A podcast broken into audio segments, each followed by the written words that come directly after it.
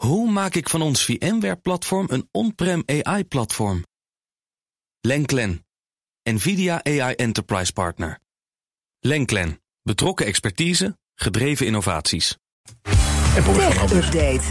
En nu Joe van Buurik. Dag Bas, De ene grote naam na de andere. Het schuift maar aan in deze studio's alsof het allemaal niks kost. Rustig aan Bas. En dat klopt ook, want BNR kost niks. Althans voor jullie, als je lekker luistert. Lekker. Dus. Goed, hè? Ja, Al die boekenbonnen. Met het laatste nieuws over het bizarre eh, strijd binnen OpenAI. Want achteraf kunnen we één ding stellen. De grote winnaar in het grote Sam Altman eh, eh, ontslagcircus. ontslagcircus. ja, absoluut. Tombola. Ja. Is Sundar Pichai. nee, Sat- Satya Nadella.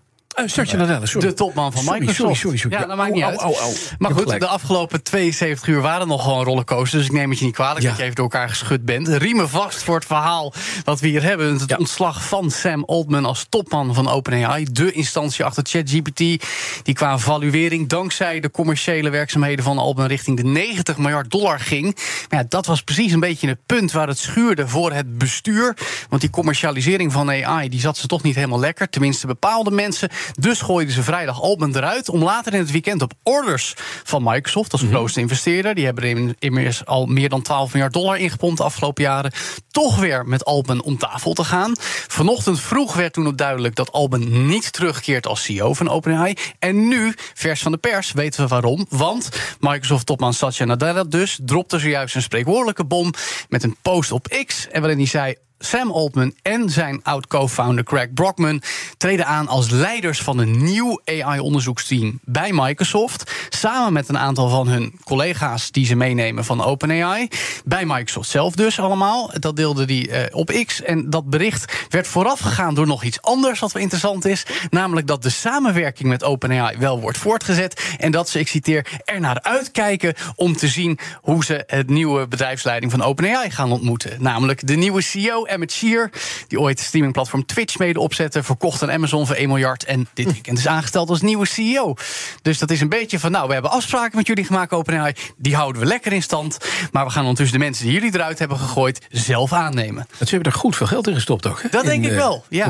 Microsoft in eh, OpenAI. Precies, 12 miljard. En de belangen zijn nogal groot. Want afgelopen week hadden ze nog een grote presentatie. Een van de vele jaarlijkse Microsoft Ignite. Met allemaal nieuwe weer AI-initiatieven.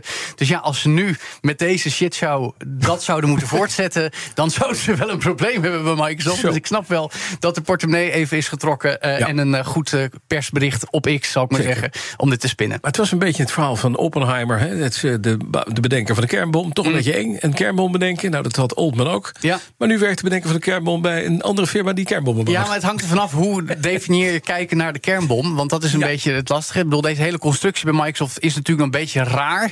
En ja, het feit dat eh, Microsoft die AI-taalmodellen van OpenAI gebruikt, dat is natuurlijk niet alleen technisch, maar ook juridische kwestie. Die hebben ze nog steeds nodig. Ja. Maar eh, er kan nog wel een flinke juridische staart krijgen, juist als het gaat om hoe verschillend mensen naar die risico's van AI kijken. Want Mhm. nou, dat is dus mogelijk een van de onderbouwingen van de bestuursleden om Altman als CEO eruit te gooien. Ze vonden hem eng op dit dossier. Ze vonden Hij hem ging te eng, hard. ondanks dat Elben ook ro- eh, roept, en dat gebruikt hij zelfs, ja, zou je kunnen zeggen, als een soort van marketing. eh, van kijk, de gevaren van AI, we moeten het beteugelen. Maar ondertussen kunnen we wel de wereld redden. Maar eh, één daarvan is meest interessant, namelijk bestuurslid Ilya Sutskever. eh, een in Israël opgegroeide Canadees van Russische komaf. Die werkte ooit samen met Jeffrey Hinton. Dat was dan een van de grootvaders van AI, eh, die bij Google heel veel heeft gedaan. En de afgelopen tijd ook het existentieel risico van AI benadrukt.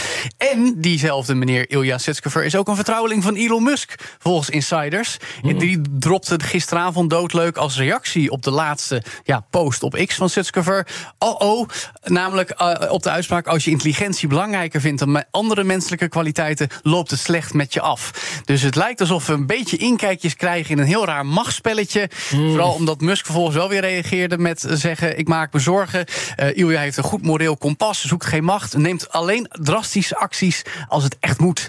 Dus ja, eh, hoe dan ook, Bas, we zijn getuigen geweest op afstand in de afgelopen 72 uur van een zeldzaam staaltje powerplay in de tech-industrie. Maar het is wel lachen dat gewoon die- die man nu, die Altman gewoon bij Microsoft werkt. Ja, die en heeft het daar gewoon zijn eigen instituut mogen optuigen. samen met alle goede mensen van OpenAI. En ja, wat er dan nog van OpenAI overblijft, dat zal moeten blijken. Ik zou, als ik hem was, die afdeling Reopen AI noemen. Reopen. Reopen AI, ja. Het is maar wat. Nog wat ander AI-nieuws van een groot techbedrijf. Want Meta heeft een controversieel eh, besluit genomen rond het toezicht op die ontwikkeling. Ja, de Responsible AI Division, die bestaat niet meer.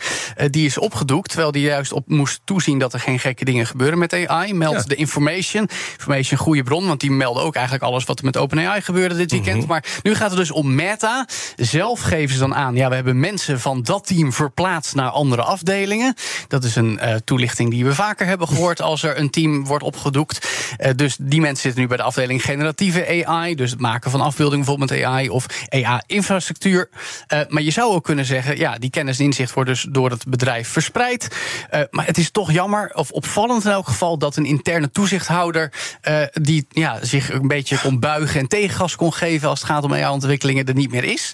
Voor wat het waard is, er was ook ooit een intern klankbord over het algemene beleid op het social media platform. Die bleek ook niet heel veel macht te hebben. Dus ja, eh, hoe dan ook, dit is het staartje, Bas, nog even leuk om te noemen, van het Year of Efficiency.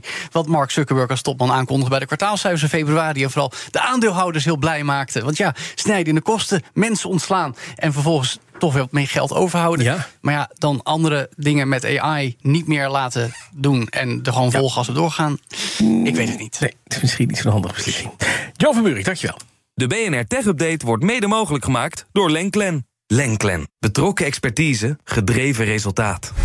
Hoe maak ik van ons VMware-platform een on-prem AI-platform? Lenklen, NVIDIA AI Enterprise Partner. Lenklen, betrokken expertise, gedreven innovaties.